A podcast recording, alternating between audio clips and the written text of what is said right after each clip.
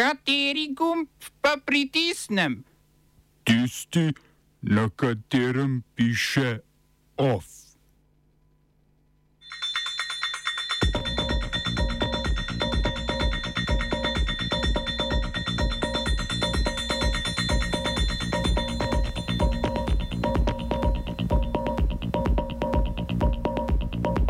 Nov državni udar v Burkini Faso. V drugem krogu za brazilskega predsednika Bolsonaro in Lula. Volitve v Bosni, Izetbegovičeva stranka ostala brez člana predsedstva. V kulturnih novicah umetnost bede v cukrarni.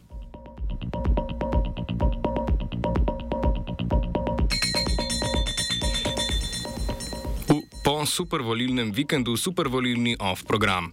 V prvem krogu brazilskih predsedniških volitev je največ glasov dobil nekdani predsednik Luiz Inácio Lula da Silva in sicer 48,3 odstotka glasov. Dosedani predsednik Jair Bolsonaro je osvojil 43,3 odstotka glasov. Glede na to, da noben kandidat ni dosegal več kot 50 odstotkov glasov, se bosta Lula in Bolsonaro pomerila v drugem krogu, ki bo 30. oktobra. Lula je bil sicer leta 2018 obsojen v povezavi s korupcijskim škandalom državnega naftnega podjetja Petrobras, zaradi česar mu je bila dodeljena 12-letna zaporna kazen. Junija lani je vrhovno sodišče kazen razveljavilo in Lula je lahko ponovno kandidiral. Nekdanjemu priljubljenemu levičarskemu predsedniku napovedujejo gladko zmago v drugem krogu. Bolsonaro je moral po drugi strani že v prvem krogu po propagando k nogometnemu velezvezdniku, velezvezdniku in velejokici Neymarju.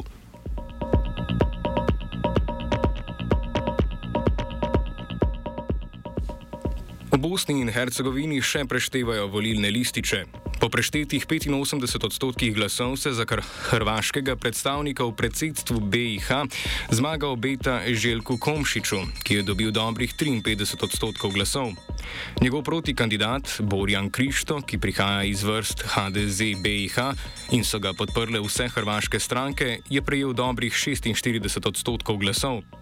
Prav tako ne bo večjih pretresov v bitki za srpskega predstavnika v tričlanskem predsedstvu. Zmagala je dosedanja predsednica Republike Srpske Željka Cvijanovič, ki prihaja iz največje stranke bosanskih Srbov, Zveze neodvisnih socialdemokratov, ki jo vodi Milorad Dodik. Največji poraz je doživela stranka demokratske akcije ba ba Bakirja Izetbegoviča. Ta je dobil zgolj dobrih 37 odstotkov glasov, s tem pa tradicionalno najmočnejša bošnjaška stranka po 12 letih ne bo imela predstavnika v predsedstvu države. Namesto njega bo predstavnik Bošnjakov Denis Bečirevič iz koalicije Združeni za svobodo Bosne in Hercegovine, ki je prijel 57 odstotkov glasov.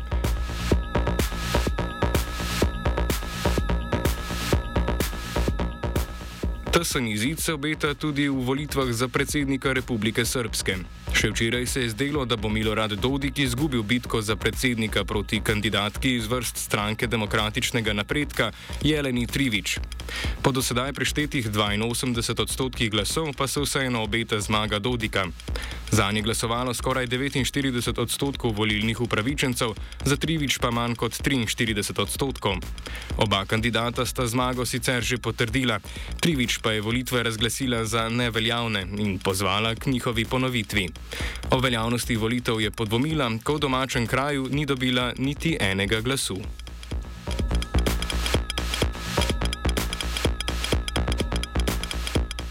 Sočasno so v Bosni potekale tudi volitve v parlamente obeh entitet. Po 62 odstotkih preštetih glasov v federaciji BIH je največ glasov, skoraj četrtino, dobila stranka demokratske akcije. Sledita i koalicija hrvaških strank zbranih okoli največje hrvaške stranke HDZ BIH, ki je prejela slabo petino glasov, in socialdemokratska stranka BIH, iz katere prihaja Bečirovič, ki je dobila 12,42 odstotka glasov. Komšičeva demokratska fronta je prejela skoraj desetino glasov. V Republiki Srpski je na volitvah v parlament po preštetih 80 odstotkih glasov zmagala Dodikova SNSD z 42 odstotki glasov.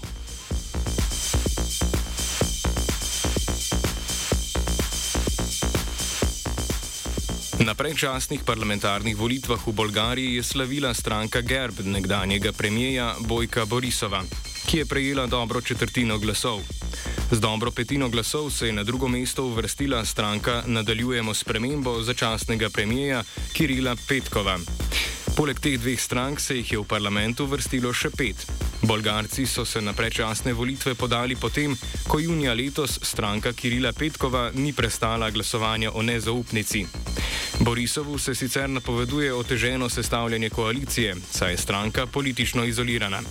Vse druge stranke, ki so prestopile volilni prag, ji očitajo upletenost v korupcijo za časa vladanja med letoma 2009 in 2021.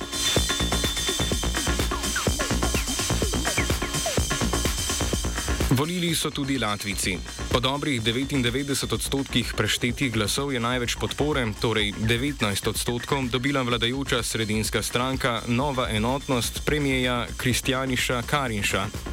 Sledita mu opozicijsko desno-sredinsko zavezništvo Zeleni in kmetje z 12,5 odstotno podporo in novo ustanovljena Združena lista s skoraj 11 odstotki.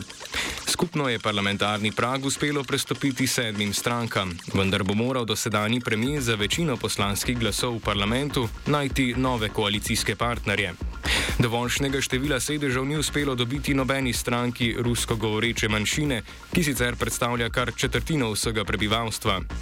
To je razvidno iz rezultata socialdemokratske stranke Harmonija, ki je bila na prejšnjih volitvah najuspešnejša in je dobila tudi največ glasov ruske manjšine, tokrat pa ji ni uspelo priti v parlament.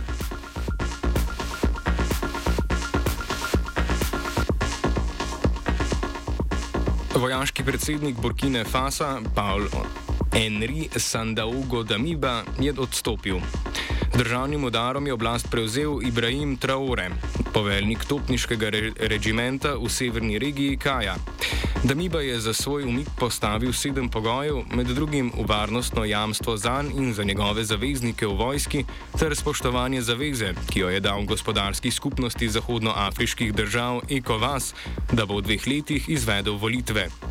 Razlog za odstranitev Damibe je po besedah Traoreja neuspešen boj proti terorističnim skupinam v državi in čezmerno sodelovanje z nekdanjo kolonialno gospodarico Francijo, ki ima na tem območju Afrike še vedno vojaške sile.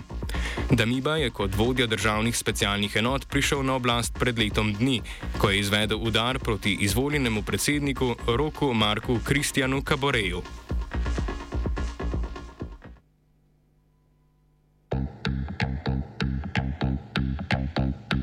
Smo se osamosvojili, nismo se pa osvobodili. Naslednje število je še 500 projektov. Izpiljene modele, kako so se strani nekdanje LDS rotirali. Ko to dvoje zmešamo v pravilno zmes, dobimo zgodbo o uspehu. Takemu političnemu razvoju se reče udar. Jaz to vem, da je nezakonito, ampak kaj nam pa ostane? Brutalni obračun s politično korupcijo. To je Slovenija,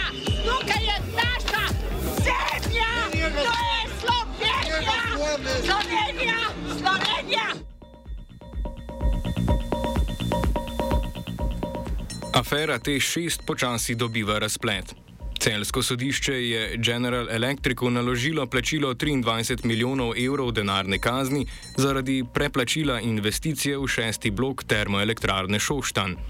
Tožilstvo je američanom očitalo pomoč pri zlorabi položaja, General Electric pa je odgovornost priznal in s tožilstvom sklenil sporazum, kar je do sedaj prvo priznanje v tej aferi. Zlorabo položaja naj bi se podjetje okoristilo za 261 milijonov evrov, ki jih bo po sklenjenem dogovoru povrnil. Že marca lani je moralo podjetje Tešu izplačati 138,7 milijona evrov in še 110 milijonov evrov za servisne storitve, ter 12 milijonov evrov za povračilo drugih stroškov in prihrankov.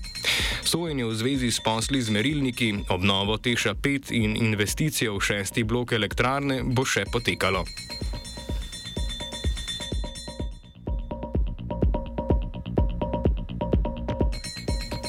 Iz volilnega štaba Gregorja Bezenška so sporočili, da odstopa od kandidature za predsednika republike. Razloge za umik je pojasnil na novinarski konferenci.